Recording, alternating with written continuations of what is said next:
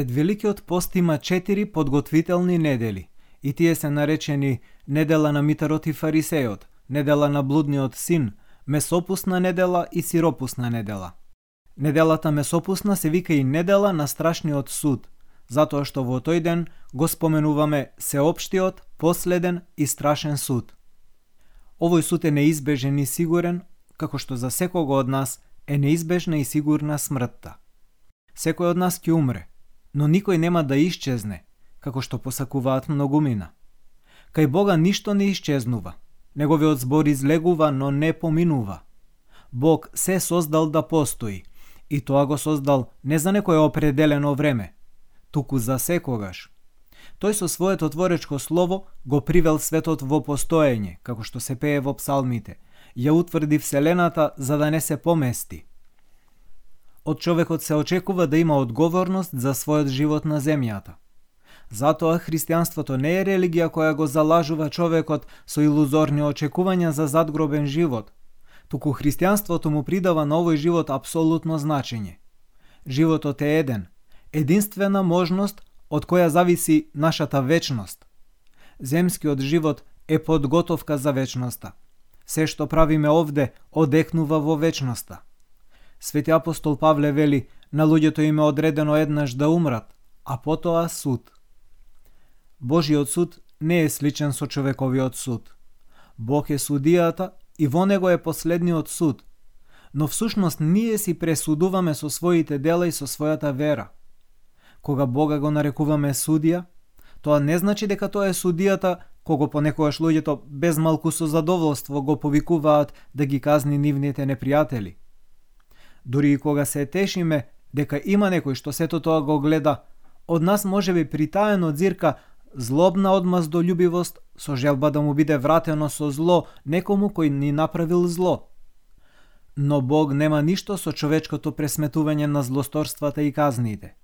Едноставно, Бог никому не враќа со зло и никого не испраќа во пеколот. Во Светото Евангелие се вели дека тој само ги одделил овците од козите. Овците, тоест кротките и смирените по дух, остануваат во негова близина од десната страна, а козите како бунтовни заминуваат во стадото од левата страна.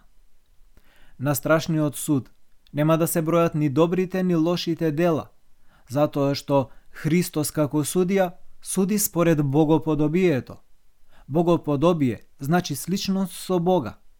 Човекот бил создаден како образ Божји, односно како слика, како икона на Бога. И таа Божја икона во себе ја носи секој.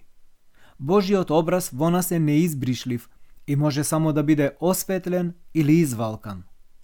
Но подобието кое исто така било вложено во човекот при создавањето и се пренесува од род во род, може многу да варира од висините на светоста до дјаволска расипаност. Пресудното прашање е дали Господ Исус Христос ќе го познае својот лик во нас или пак во човекот нема да најде ништо свето, ништо праведно, вистинито. Со сите добри дела во целиот светотаински христијански живот, со се што правиме со вера во Христа, стануваме слични на Христа. Ако живееме и работиме заради Христа, тогаш добрите дела што сме ги направиле, не ги сметаме за наши поени со кои ќе ја исполниме нормата за влез во рајот. Ако нешто добро сме направиле, со неговата сила сме успеале да го направиме. Фарисеот кој сакаше да го подсети Бога за неговите добри дела, и тој не лажеше, тој навистина правил добри дела, Тој изгрешил со тоа што сметал дека добродетелите му ја гарантираат Божјата милост, дека го задолжил, го обврзал Бога за добрините да му врати со добро, со здравје, и среќа. Но Бог не го сака таквото спогодување. И затоа ни е кажано дека оправдан се отишол грешникот кој ги гледал своите гревови и барал простување од Бога. Бог не тргува со човекот Тоа е јасно откажувањето за работниците на кои Бог им плаќа и тоа како што сака според својата љубов, им плаќа на оние кои работеле само еден час и исто колку и на оние кои работеле во пладневната жештина. Пријателу, не ти направив ништо лошо, ќе им дадам на последните колку и на тебе. Зошто твоето око е зло, ако јас сум добар? Значи, Божјата добрина во наши очи често не изгледа правична. Ние сметаме дека е честно ако секому му се даде според заслуженото, но очигледно Божијата пресметка е далеко од нашето пазарење. За многумина нема да изгледа праведна постапката на таткото кој го примил својот син, што го уништил своето богатство во разуздан живот, а заради покајанието го пречекал со преградка и му дал власт над својот имот. Тој татко е слика на нашиот милостив небесен Отец, кој го прима нашето покаяние. Значи, кога велиме дека Бог е праведен, не мислиме дека тој е добар судија кој знае како правично да го казни човекот. Туку напротив, мислиме дека тој е добар и исполнет со љубов, дека ги простува нашите престапи и непослушности и сака да не спаси со сите средства, дека никогаш не враќа со зло за зло. Свети Антони Велики вели Бог е добар, бестрастен и неизменлив. Божеството не чувствува задоволство или незадоволство заради човечките околности. Тој е добар и тој само дарува благослови и никогаш не нанесува штета, останувајќи секогаш истиот. Од друга страна, ние луѓето, ако станеме добри преку сличност со него, тогаш сме соединети со него. Но ако станеме зли преку несличност со Бога, тогаш сме одвоени од него. Живејќи во светост, ние се прилепуваме до Бога, а станувајќи порочни, го правиме наш непријател. Не затоа што тој станува гневен на нас како некој судија, туку нашите собствени гревови се тие што го спречуваат Бога да свети во нас, и тие не изложуваат на демоните што не мачат. Иако преку молитва и милосредни дела стекнеме простување на нашите гревови, тоа не значи дека сме го придобиле Бога и сме го натерале да се промени во однос на нас – туку ние преку нашите дела и нашето свратување кон Божеството сме се исцелиле од нашата порочност и повторно се наоѓаме во Божјата добрина. Според тоа, да се рече дека Бог се одвратува од порочните е исто како да се рече дека сонцето се крие од слепите. Ви велам, не ве познавам.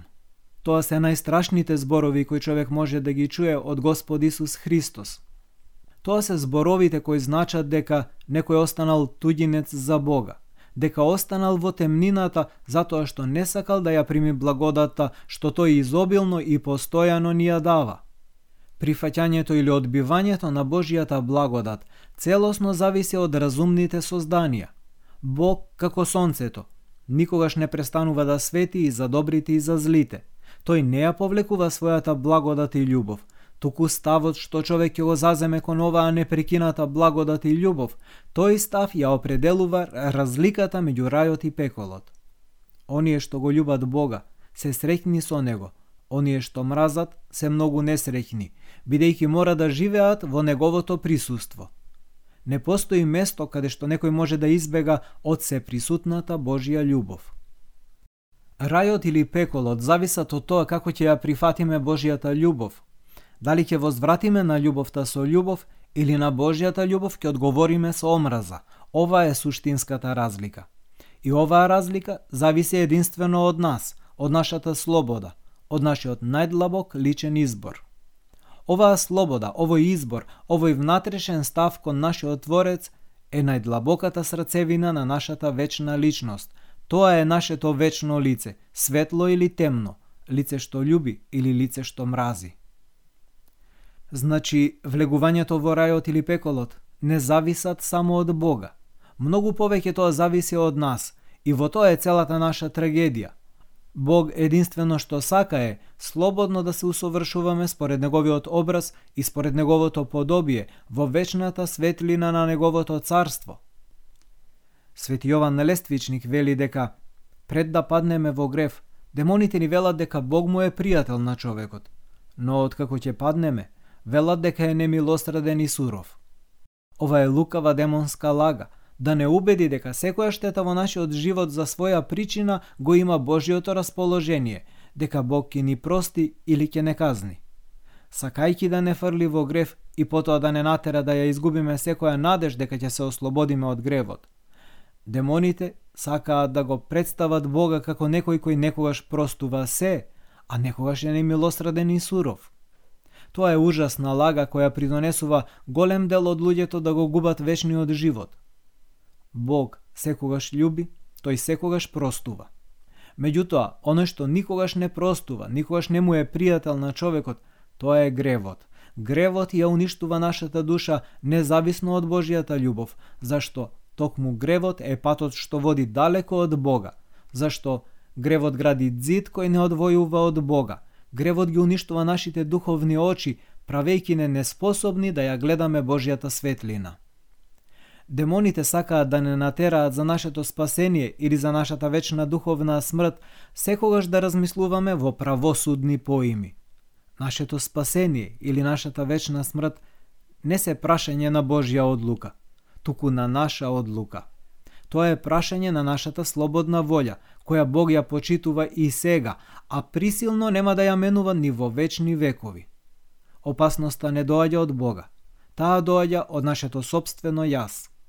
Ако сега некој е збунет и не разбира како е можно Божјата љубов некого да направи изопачен и дури запален како да е во пламен, нека размисли за постариот брат во примерот за блудниот син. Зарем тој не бил на имотот на својот отец?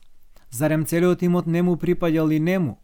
Зарем не ја имал кон себе татковата љубов? Зарем таткото не отишол да го моли и преколнува, да влезе и да учествува во радосната веселба? што го палело со внатрешна горчина и омраза. Зошто не се радувал заради враќањето на братот? Зошто немал љубов ни кон својот татко, ни кон својот брат? Зарем не заради своето изопачено внатрешно расположение?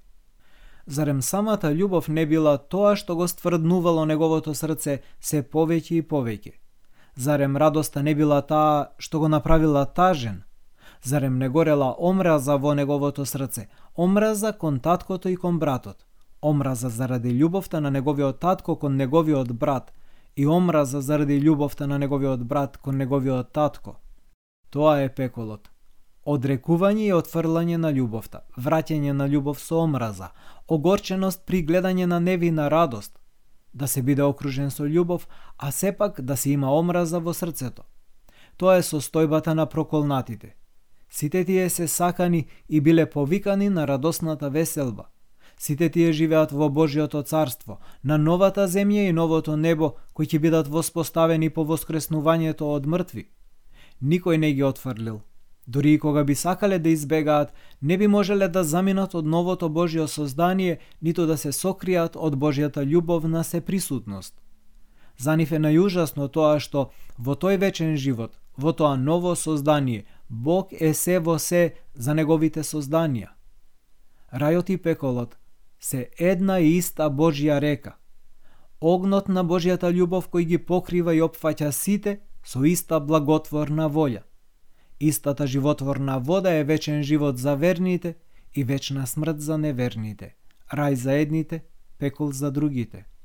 Затоа во утринската богослужба на месопусна недела, црквата пее Кога ќе дојдеш Боже на земјата со слава и сеќе трепери, огнена река пред судот тече, книгите се отвораат и тајните се јавуваат. Тогаш избави не од незгасливиот оган и удостојне да застанеме одесно на Тебе, судио најправеден. Амин.